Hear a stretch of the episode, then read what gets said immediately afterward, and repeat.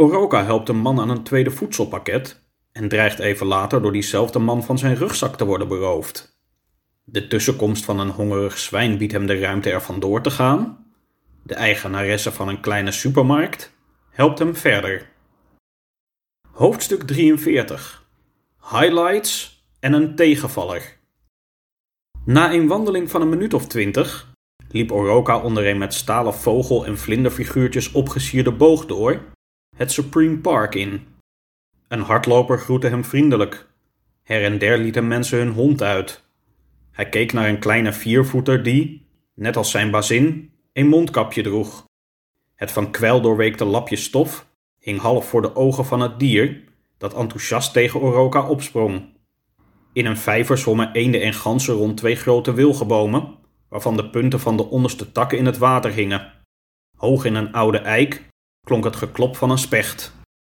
Oroka verliet het park en kwam op een klein pleintje terecht, waar, zoals de vrouw van de supermarkt al had gezegd, verschillende kiosken stonden. Hij liep naar een groen stalletje waar verschillende rekken vol kranten en kaarten stonden. De eigenaar, een dikke man, wiens benen moeite leken te hebben met het te dragen gewicht, was bezig een tijdschriftenrek te vullen en draaide zich om toen hij achter zich een hoog stemmetje hoorde. Hij luisterde naar wat de kleine man te zeggen had en blies de rook van een dikke sigaar uit. Dat ziekenhuis ken ik wel. Sterker nog, ik ben er vorig jaar zelf nog geopereerd aan mijn arm. De man liet een groot litteken aan de binnenkant van zijn bovenarm zien. Je hoeft er vanavond pas te zijn, zei je toch? Ja, om zeven uur? Dan heb je nog wel even. Wat ga je verder vandaag doen? Dat weet ik nog niet. Veel is nu dicht. De man liep naar een ander rek en pakte er een plattegrond uit. Deze is denk ik wel leuk voor jou. Hij vouwde de plattegrond open. Zie je die rode sterretjes? Dat zijn allemaal highlights. Deze een bibliotheek. Hier een mooi plein. Die daar de dierentuin. Als je een paar van die highlights afgaat, heb je vast wel een leuke dag. Dat wil ik. Ja, deze doen. De man pakte een pen en zette twee zwarte kruisjes op de kaart. Hier zijn wij nu, bij het park. Zie je? Nou, en dat ziekenhuis waar jij vanavond moet zijn, dat is hier. Ik snap het. Dank u wel. Oroka kocht de kaart, plande een route langs verschillende sterretjes en ging op weg. De uren die volgden liep hij door de openbare beeldentuin van een groot museum en door het financiële centrum van de stad, dat bestond uit verschillende hoge, strakke torens die allemaal glommen alsof de honderden, zo niet duizenden ramen die zij samen hadden, iedere dag geboend werden. Hij liep langs een rivier met in het midden een klein eiland, waar een reusachtig reuzenrad op was gebouwd dat tot zijn spijt tijdelijk gesloten was, en langs de Awesome City Zoo, waar hij apen en papegaaien een hoop kabaal hoorde maken, zonder de dieren te zien en zonder te weten dat het apen en papegaaien waren. Hij bleef een tijdje staan luisteren en deed zijn best zich de wonderlijke talen die hij hoorde eigen te maken, maar moest wederom concluderen dat de talen van wat de mensen dieren noemden ook voor hem stukken moeilijker te doorgronden waren dan mensentaal. Het liep al tegen half zeven toen hij de kortste weg naar het ziekenhuis nam. Dicht bij het ziekenhuis herkende hij nog niets van de omgeving. Een man die met een luidruchtig apparaat een klein gazon stond te maaien, verzekerde hem dat hij op de goede weg was. Hij hoefde alleen nog de hoek om en dan lag het aan de overkant van de straat.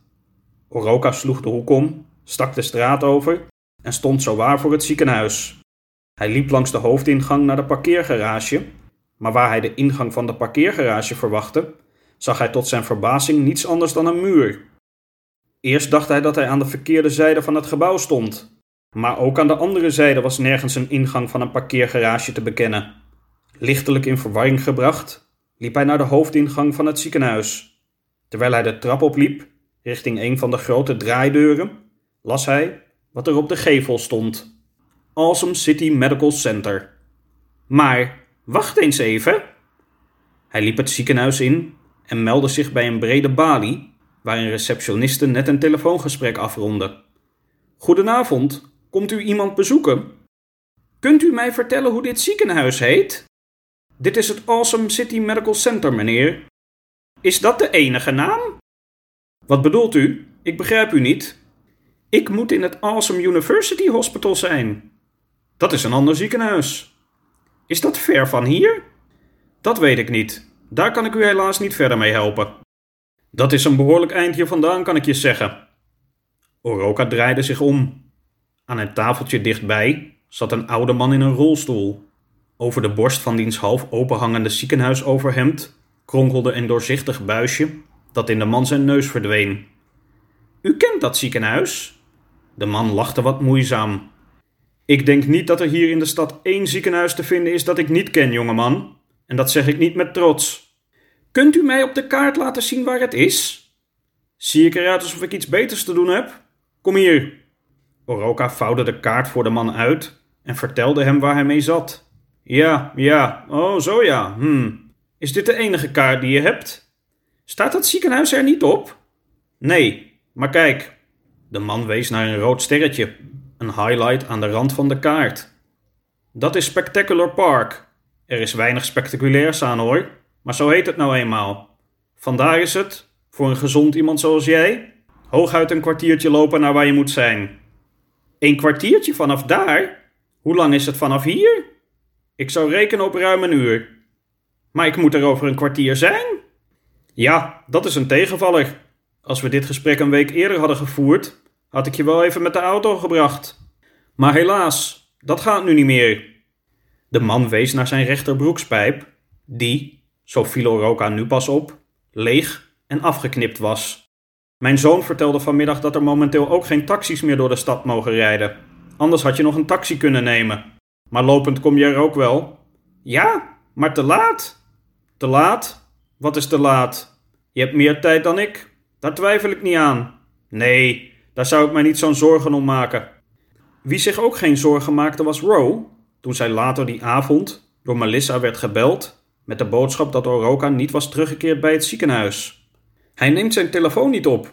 Ik ben nog wat straten doorgereden, maar ik heb hem helaas ook nergens gezien. Moet ik de politie bellen? Het begint toch ook al donker te worden. En het is hier ook niet overal even veilig. Nee, antwoordde Rowe. Dat lijkt me nog niet nodig. Het verbaast me niet zo. Hij is misschien verdwaald, of hij heeft de tijd verkeerd ingeschat. Hij vindt wel een manier om de nacht door te komen. Denk je? Ja hoor, die graaft wel ergens een hol om in te slapen. In een park of in een plantsoen. We zien hem morgen wel weer.